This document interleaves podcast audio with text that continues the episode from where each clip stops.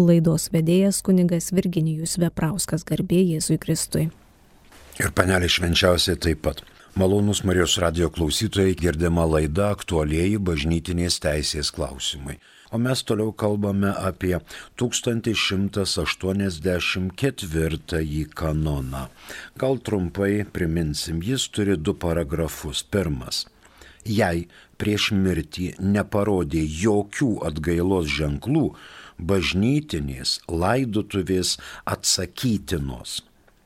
Žinomiems apostatams, eretikams, schizmatikams. Pasirinkusiems savo kūno kremavimą dėl krikščioniškajam tikėjimui prieštaraujančių priežasčių kitiems žinomiems nusidėjėliams, kuriems negalima suteikti bažnytinių laidotuvių be viešo tikinčiųjų papiktinimo. Ir antrasis paragrafas, esant bet kokiai abejoniai, turi būti atsiklausama vietos ordinaro, kurio sprendimo privaloma laikytis. Taigi, praeitoje laidoje pradėjome aiškintis dabar ketvirtoji mintis prie šio kanono. Pagal 1917 m. kanono teisės kodeksą, tai buvo 1241, savižudžiai arba tie, kurie laisvai pasirinko šį kelią, nebuvo galima jų laidoti savižudžių niekas nelaidojo, kurie laisvai pasirinko šį kelią. Dabartinė psichologija jau švelnina tokius dalykus dėl suicidų. Ir mums ateina į pagalbą katalikų bažnyčios katekizmas. 2283, 2282 Tai pirmiausiai nuo antro ir pradėkime, prašom. Jei savižudybė siekiama duoti pavyzdį, ypač jaunimui, tai ji tampa ir dideliu papiktinimu. Valingai prisidėti prie savižudybės prieštarauja doriniam įstatymui. Dideli psichiniai sutrikimai, išgastis arba didelė laukiančių išmėginimų kančios arba kankinimų baime gali sumažinti savižudžio atsakomybę. Ir kitas numeris nereikia prarasti vilties, kad nusižudę asmenys dar sulauks amžinojo išganimo. Dievas gali jam vienam žinomu būdu duoti progos jų išganomam gailėšiui. Bažnyčia meldžiasi už žmonės pasikėsinusius į savo gyvybę. Ačiū. Na matot, ką dabartinis katekizmas mums sako dėl savižudžių. E, niekas normaliai gyvendamas, na taip sakant, normaliai gyvendamas, niekas nekelia prieš save rankos. Ten gali būti ir pavyzdys jaunimo, ir išgastis, ir kitos, kiti dalykai, pavyzdžiui, psichotropinių vaistų naudojimas, arba priemonių psichotropinių, arba, pavyzdžiui, morfinas, nelaikus suleistas, gal baisioniai skausmai apima žmogų ir taip toliau. Kartais būna tokių savižudžybių, ten nuo tiltelio nušoka, ten kažkaip tai pajunta visokias nirvanas skrydyje ir paskui teškėsi į vandenį ar į akmenis ir rodo pavyzdį tokį blogą, kad čia reiškia Dievo nėra vil, prisikėlimo vilties neturiu, viskas man, man žuvę, nieko nėra anapusiniai tikroviai, gyvenim, amžinas gyvenimas neegzistuoja ir daro žmogus savižudybę. Jeigu jisai laisvai apsisprendžia, žinoma, laisvai bažnyčia jo sprendimą pagerbė ir nelaidoja. Bet jeigu yra priežasčių, kokių nors, kai artimieji praneša ar apie lygą, ar apie sukės depresijas, neurozės, dar ką nors, tada bažnyčia žymiai atlaidžiau žiūri į tokius savižudžius. Kaip girdėjote, katalikų bažnyčios katekizmas pritarė šiai minčiai. Savižudžiams laidotuvės neatsakomos, jei rodė gyvenimo kelyje prisirišimą prie katalikų bažnyčios ir prie katalikų tikėjimo. Laidotuvių metu netgi reikėtų paaiškinti šitą atvejį kaip tragišką žūtį. Tačiau mm, jeigu prieš mirtį, prieš pat mirtį asmuo piktino, darė skriaudą bažnyčios bendruomeniai, tada jisai traktuojamas kaip aiškus nusidėjėlis ir jam laidutuvės atsakomos. Kodėl jis turėtų tyčiotis ir šaipytis iš bažnyčios, iš Dievo ištikėjimo, paskui bažnyčia jį turėtų laidoti? Žinoma, kad ne. Žinoma, kad ne. Bet jeigu jis neutraliai elgėsi ir gyveno dorą gyvenimą, gal kiek ir atitolinus jį nuo bažnyčios, bet jisai, žinoma, palaikė tokią moralinę dvasę. Dabar e, čia žiūrima dėl šito ketvirtos minties prie 1184. Čia yra ne tik pats savižudybės faktas, bet ypatingai krikščioniškos dvasios neturėjimas. Nepripažinimas, kad žmogus sukūrė Dievas, kad žmogus mirties nepatiria, tai tik tai slengstis, peržengimas į kitą tikrovę, nes mirtis, skausmas, lyga yra gimtosios nuodėmės pasiekmės. Jeigu asmo buvo savo užsispyrime prieš Dievą, prieš bažnyčią iki pat mirties, arba atsitolinęs nuo Dievo ir bažnyčios, tai tą ir e, patiria per savižudybės faktą. Prieina tokios minties žmogus, kad jam jau viskas čia aišku, jis puikiai supranta, jam egzistavimo trukmė nereikalinga, jis pats savo Dievas, Jis nepripažįsta, kad Dievas jį sukūrė, todėl Dievas turėtų ir atimti gyvybę tada, kada jis nuspręs, bet ne tada, kada žmogui to norisi. Penkta mintis prie 1184 kanono. Viešas nusidėjėlius. Kas yra viešas nusidėjėlis? tai yra, pavyzdžiui, gyvenantis be santykio su bažnyčia. Neturi jokio santykio su bažnyčia. Gyvena, pavyzdžiui, konkubinate, ne bažnyčios palaimintoje santokoje. Tačiau gali būti, kad jis išlaikė kažkokį ryšį su bažnyčia. Auklėjo vaikus, vedė vaikus prie pirmos komunijos, prie sutvirtinimo ir kai šie vedė, aišku, kvietė, kad būtų paimtas santokos sakramentas, jam kažkur širdyje tie dalykai yra brangus. Arba prieš mirtį rodė atgailos ženklus. Bučiavo kryželį, rožančių rankose turėjo, pavyzdžiui, motinos, kuris brangus buvo, tą kryželį pabučiavo jeigu e, šiaip yra koks šventas paveikslas prie jo lovos, gal jisai žvelgė į jį, meldėsi, lūpos virpėjo, e, sakydamos maldo žodžius, tai žinoma, kad yra tam tikri atgailos ženklai ir tokį žmogų galima visuomet laidoti.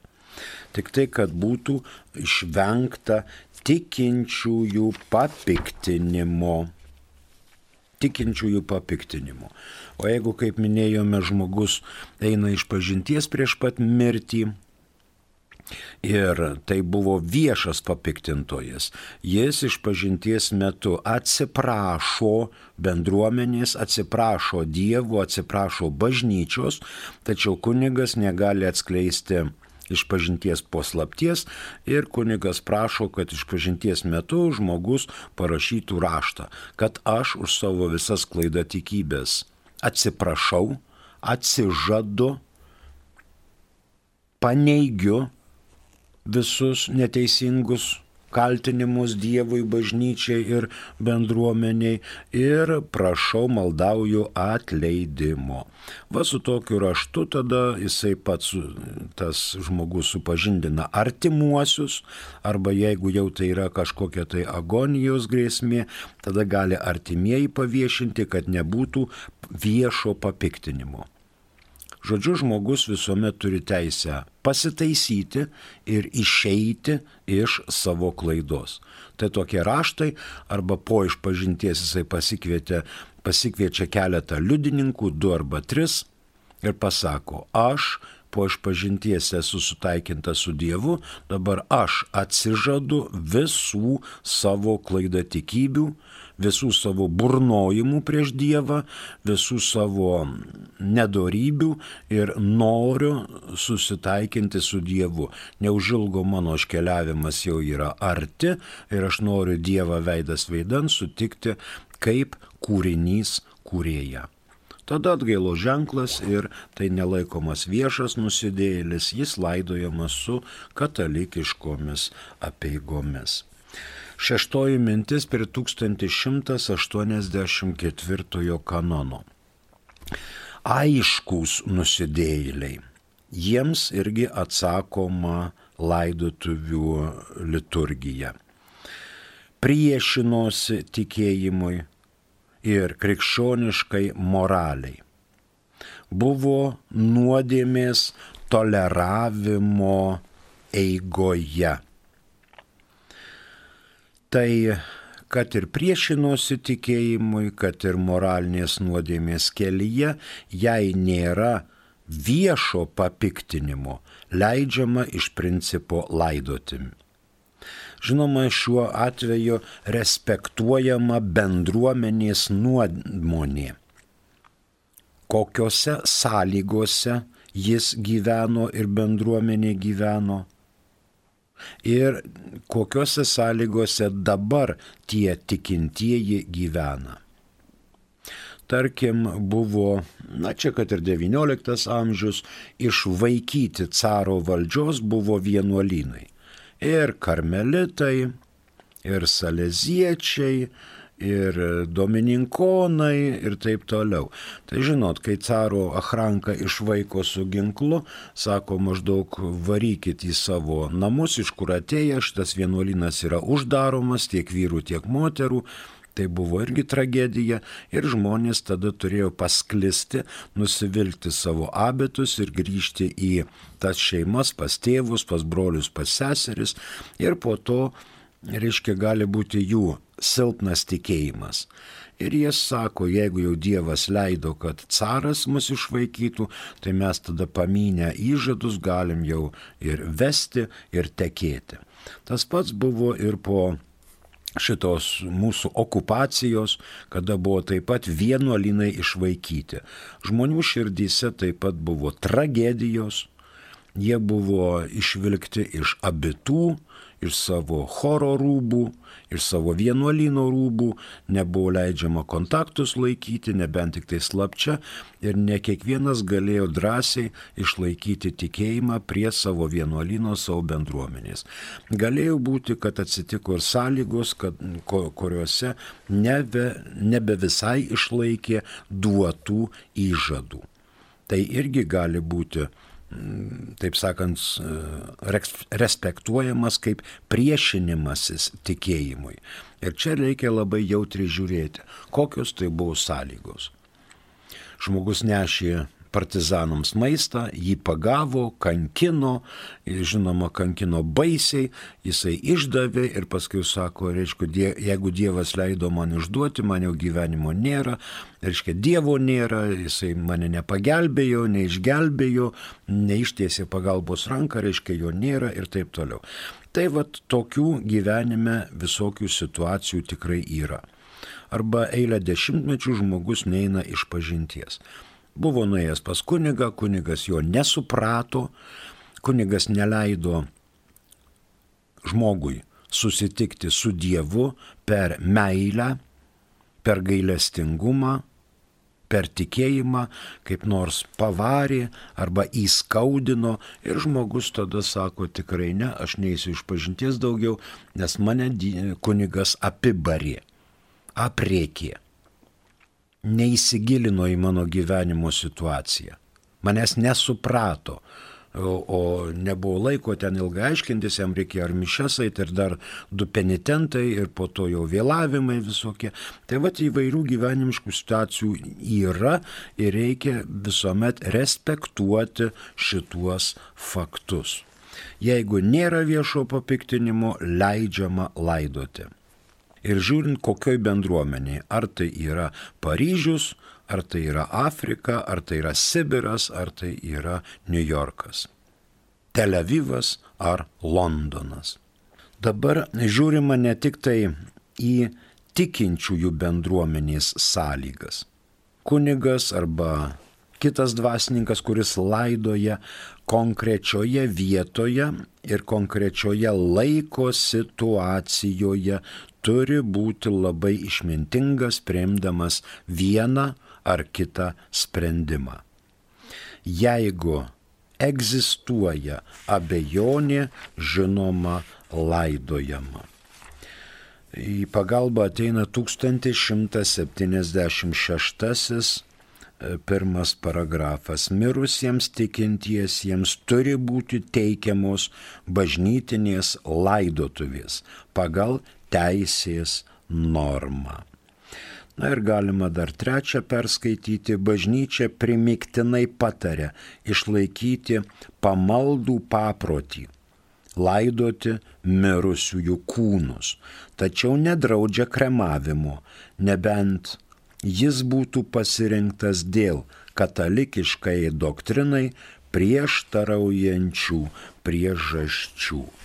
Na ir pažiūrėkime 18 kanoną. Įstatymai, nustatantys bausmę, ribojantys laisvą naudojimąsi teisėmis arba nustatantys įstatymo išimti, aiškinami siaurąją prasme. Taigi tie baudžiamieji draudžiamieji aiškiname tik tai griežtai taip, kaip yra parašyta, neišsiplečiant į lankas. Septintoji mintis prie 1184. Laidojimas yra visuomet užtarimo malda, kurią kalba kunigas ir prie kurio jungiasi tikinčiųjų bendruomenė. Kunigas yra pašvestas asmuo ir tokiam e, nusidėjėliui ar pavyzdingam katalikui visuomet reikalinga malda. Tai tarsi mažoji kanonizacija, kai pašvestas asmuo, dvasininkas, kuriam yra vyskupo arba paštalų įpėdinio uždėtos rankos, ant galvos jisai jo delnai patepti šventais aliejais, jis meldžia viešpatį, kad šiam tikinčiajam būtų suteikta amžinoji šviesa, amžinoji ramybė, amžinas atilsis. Nepagristas laidotuvių atsakymas tokiam tikinčiajam, kai yra, tarkim, abejonės, taip pat yra pats papiktinimas. Tada gali bendruomenė sakyti, vad tą laidojot klebonę, aną laidojot, o šitą jau atsisakote. Tai jau yra irgi tam tikra papiktinimo forma ir tai yra vengtina. Mes absoliučiai visi esame nusidėjėliai ir mums reikalinga kitų malda. Neaišku, dėl kokių priežasčių tas žmogus tapo viešu nusidėjėliu ar indiferentu, arba nepalaikė labai glaudžių ryšių su bažnyčia, tačiau jisai išauklėtas ir užaugęs krikščioniškoje kultūroje ir paprastai jam yra laidotuvės neatsakomos. Dar yra paguoda mirusiojo šeimai.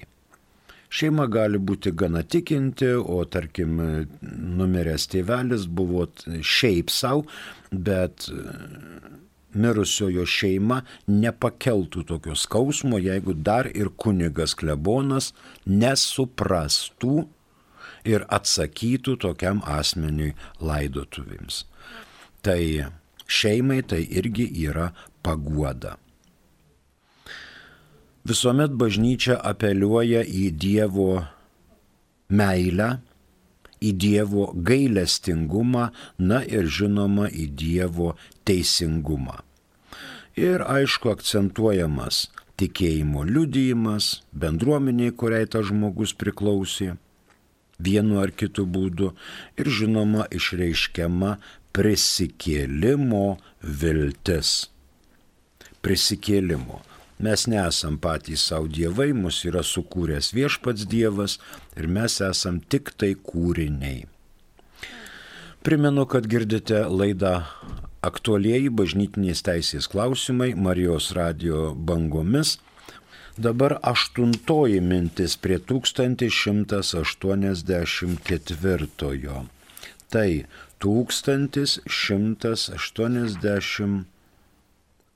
1181 kanonas.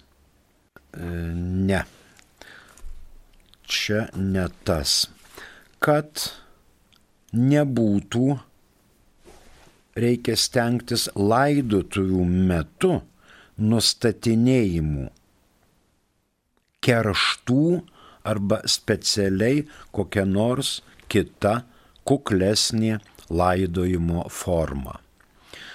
Visiems mirusiesiems. Klebonas dega ir žirandelius, ir sietynus, ir tiesia calūną, ir kiek yra žvakių bažnyčiai sudega, o jau šitam, kuris buvo prie konteinerio ieškotojas arba akcininkas, jam klebonas sako, ai tau uždegs dviejų žvakelių ant altoriaus ir prie tabernakulio ir porą sietynų uždegsime, o visos kitos šviesos tai jau pataupysime.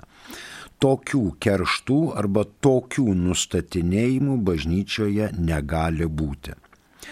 Laidutuvėms susirenkam ne tik tai artimi giminės ir pažįstami, laidutuvėms susirenka ir miestelis, susirenka parapija, iš atokiau suvažiuoja giminaičiai, draugai, bendradarbiai, pažįstami ir jie turi matyti bažnyčios rodomą pagarbą Dievo kūriniui, kuris iš principo buvo šventosios dvasios buveinė.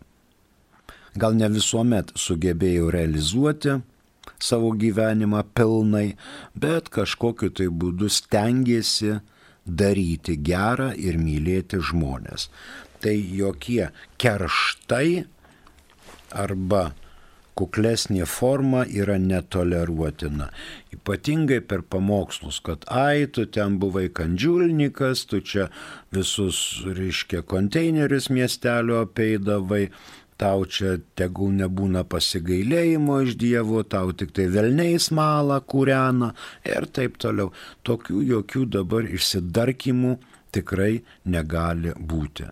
Mes už kiekvieną Dievo kūrinį melžiamės ir prašom Dievo, kad būtų kitiems ir šiam asmeniui maloningas ir gailestingas. Dabar devintoji mintis prie 1184 kanono. Jei kartais būtų taip, kad būtų atsakomos laidotuvės, tai tada katalikų bažnyčios parapijos metrikų laidotuvių knygose šitas asmuo neįrašomas neįrašomas. Rašomas tik tai bendrose knygose kapinių administratoriaus. Gali būti, kad parapija turi savo kapines ir į tas kapines leidžiama laidoti ir tokį žmogų. Tai jisai įrašomas tik tai kapinių laidojimo metrikose, bet nerašomas parapijos metrikų knygose. Jei jam dėl kokios tai priežasties yra atsakomas katalikiškas palaidojimas. Jeigu žmogus laidojimas civilinėse kapinėse arba kito tikėjimo kapinėse, pavyzdžiui, žmona buvo musulmonė, ar žmona buvo žydė, arba žmona buvo evangelikų bendruomenės nariai ir ten šeima turi savo kapą, jis laidojamas tenai. Ir tuo pačiu katalikų bažnyčios parapijoje metrikų knygose jis neįrašinėjamas. Jeigu buvo status animarum knyga, tokiu atveju pažymima jo mirties data. Žinoma, už jį mišios užprašomos. Šeima artimieji renkasi mišioms, bet tos mišios nėra laidotuvių mišios. Tai yra neprivilegijuotos. Laidotuvių mišios yra tada, kada už jį vieną ir atitinkamas Arnotas ir atitinkamis du skaitiniai prieš Evangeliją gali būti gėdomos ir egzekvijos, ir libera po mišių ir taip toliau. Tai yra laidotuvių mišios. O tos, kur šeštadieniais, sekmadieniais mes renkamės į bažnyčią, nėra laikomos laidotuvių mišiomis. Jos tik tai mišos už mirusiuosius už gyvuosius, prašant sveikatos, ten prašant e, mirusiesiems kitos, kitoms sukaktim, ten penkeri metai po mirties, dešimt metų po mirties, dvidešimt metų po mirties, tai yra ne laidotuvių mišos. Jeigu laidotuvių mišos ir atsakomos, vis tik tai už jį mišiuose melstis tikrai galima yra skirtumas tarp laidotuvių mišių, laidotuvių apieigų ir tarp mišių, kurių metu melžiamasi už kažką. Tai 1184 pabaigėme, dabar fiksuojame. Jei prieš mirtį neparodė jokių atgailos ženklų, bažnytinės laidotuvės atsakytinos. Kam? Žinomiems apostatams, eretikams ir schizmatikams. Antras. Pasirinkusiems savo kūno kremavimą dėl krikščioniškajam tikėjimui prieštaraujančių priežasčių. Ir trečias kitiems žinomiems nusidėjėliams, kuriems negalima suteikti bažnytinių laidotuvių be viešo tikinčiųjų papiktinimo. Antrasis paragrafas. Esant bet kokiai abejoniai, turi būti atsiklausiama vietos ordinaro, kurio sprendimo privaloma laikytis. Mums paskambino, prašom. Klausytojas Kestutis. Klausom jūsų. E, Labą vakarą. Labas. Norėjau paklausti, aš kiek daug metų jūsų klausau, man vienintelis keista, e, bendrauju taip pat ir e, su šitais, ir su kitų religijų. Ir dabar jūs, kaip man žinot, kuri religija yra teisi, nes hinduistai, pavyzdžiui, kai su jais bendrauji, jie sako, sako, aš e, patyriau reinkarnaciją. Didžiulę reinkarnaciją, daug kartų reinkarnaciją, o jūs, jūs postringaujat, kad, kad reiškia tik tai krikščionybė kažkaip, vat, e, kaip nustatyti žmogui, e, kuri religija yra teisinga. Nu, nu, ta prasme, kad religija tai yra metafizika, o, o gali pačiupinėti, gali tik tai fiziką. Tai jeigu tu gali pačiupinėti fiziką, tai e, čia tu žinai, ar uh, druska saldi, ar cukrus surus, o religija tai kažkaip tai, nu, toks, nu, mistinis dalykas. Mistinis dalykas, Ir, ir kaip dabar žinot, nu, nu kaip žmogui nustatyti? Ačiū kestutė. Žmogus anot Maksimo Gorkio skamba išdidžiai. Labai išdidžiai skamba. Ir dabar ar cukrus sūrus, ar druska saldi, jūs nustatote empiriniu būdu. Čia visiškai nesunku šitą nustatyti. Lygiai kaip ir religija, labai nesunku nustatyti, kuri yra tikroji. Mums yra paliktas Dievo laiškas žmonėms. Šitas Dievo laiškas yra vadinamas Biblija. Ir Biblijoje skirtingai nuo visų kitų raštų, nirvanų ir inkarnacijų visų pirma yra parašyta ne ką žmogus privalo daryti, bet ką Dievas padarė dėl žmogaus. Barabė šitą Lechimata Šamajim. Girdėjot?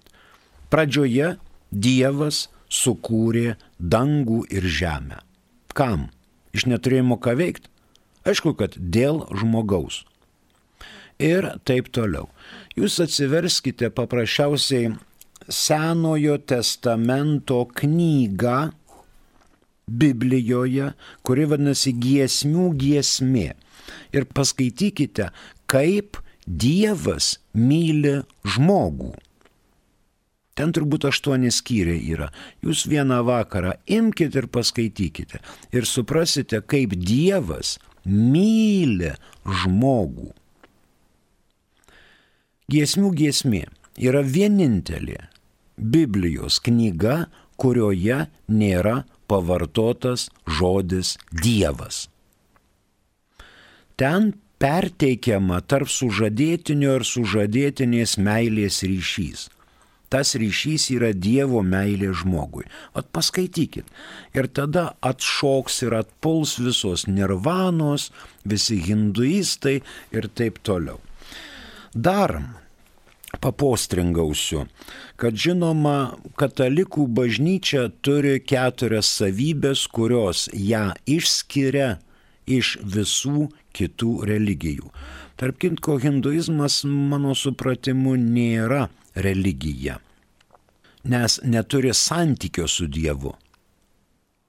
Hinduizmas yra pasiekimas nirvanos, tai reiškia žmogaus sąmonės viduje, pačiame manyje. Tai nėra religija. O katalikų bažnyčia yra viena, šventa, apaštališka ir katalikiška arba visuotinė.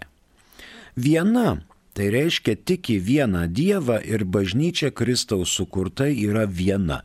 Dievas nenori, kad būtų dešimtys bažnyčių. Katalikų bažnyčia sudaro 22 rytų apieigų arba suijuris bažnyčios ir viena lotynų apieigų bažnyčia. Katalikų bažnyčia yra šventa, nes jos įkūrėjas Jėzus Kristus yra šventas. Trečias, reišk, trečias, trečia savybė - apaštališka. Nes Jėzaus Kristaus laikais buvo pakviesta dvylika apaštalų tapti jo mokiniais. Tai yra konkretų žmonės su konkrečiais vardais. Galima palaižyti net jiems padus ir pažiūrėti, ar cukrus sūrus, ar druska saldi. Jie vaikščiojo, turėjo žmonas, turėjo vaikus, jie yra apaštalai. Ir po Jėzaus prisikėlimo net Petras dingo iš miesto. Galvodamas, užsikniskit jūs visi grabais, aš einu pas savo žmoną, pas vaikus ir gyvensiu toliau savo gyvenimą. Man čia netelpa galvoj, kas įvyko. Tada atėjo Jėzus ir sako, a kur tu eini? Lotiniškai yra kvo vadis. Kur eini? tugi popiežius, tugi Petras, tu uola, ant kurios Dievas pastatys bažnyčią ir pragaro vartais nenugalės. Nu ir viskas. Petras apsigrėžė ir grįžo į miestelį, toliau skelbti Jėzaus. Tai vad apaštališka, na ir žinoma katalikiška, visuotinė. Visuotinė visuose penkiuose žemynuose ar šešiuose katalikų bažnyčia egzistuoja. Turi sąlygas ir turi galimybės. Ir popiežius yra kiekvienam žemės lopinėliui skyręs po vyskupą, kuris rūpinasi, kad šitą tikėjimą pasiektų viso pasaulio žmonės, kad jiems būtų prieinamas tikėjimas. Tai šitos keturios, kestuti, savybės puošia katalikų bažnyčią ir rodo, kad katalikų bažnyčia yra viena, šventa, katalikiška ir apaštališka. Apie tai aš postringauju, na ir žinoma, postringausiu ateityje. Ačiū, mūsų pasiekė esame žinutė, prašom. Garbėzui Kristui. Esu vedė, žmona nori turėti tik vieną vaiką, kategoriškai atsisako turėti daugiau, nes pasak jos nėra lengva gimdyti. Ar tokia santuoka galiojanti, ar man reikėtų susitaikyti su žmonos noru, prieš santuoką žmona sakė, norės turėti daugiau nei vieną vaiką. Ačiū. Santuokinės apklausos anketoje yra klausimas sužadėtiniams, ar esate atviri gyvybei ir sužadėtiniai tvirtina taip, nevaržau šios teisės savo sutuoktiniui, nevaržau. Jeigu pasireiškia abejonės gyvenimo kelyje, tai jau reikia priimti kaip nenorą vykdyti įsipareigojimų. Tačiau jei jau vaikas yra bent vienas, tai turbūt nebus lengva užginčyti šitos santokos, nes vaikas jau yra. O kiekvienas vyras sakramentiniai santokoj turi teisę į savo moterį, į moters kūną. Ir kiekviena moteris sakramentiniai santokoj turi teisę į savo santokinį vyrą. Ir žinoma, turėtų jie būti atviri gyvybės pradėjimui. Tai būtų toks dalykas. O ar santoka galiojanti, ar santoka negaliojanti, šitą sprendimą priimt gali tik tai bažnytinis teismas arba vieno iš jūsų mirtis. Ačiū. Jeigu kilo klausimų, mielai atsakysime, bet jau kitoje laidoje. Jau mūsų laikas išseko. Prie mikrofono dirbo kunigas Virginijus Veprauskas. Ačiū ir sudie.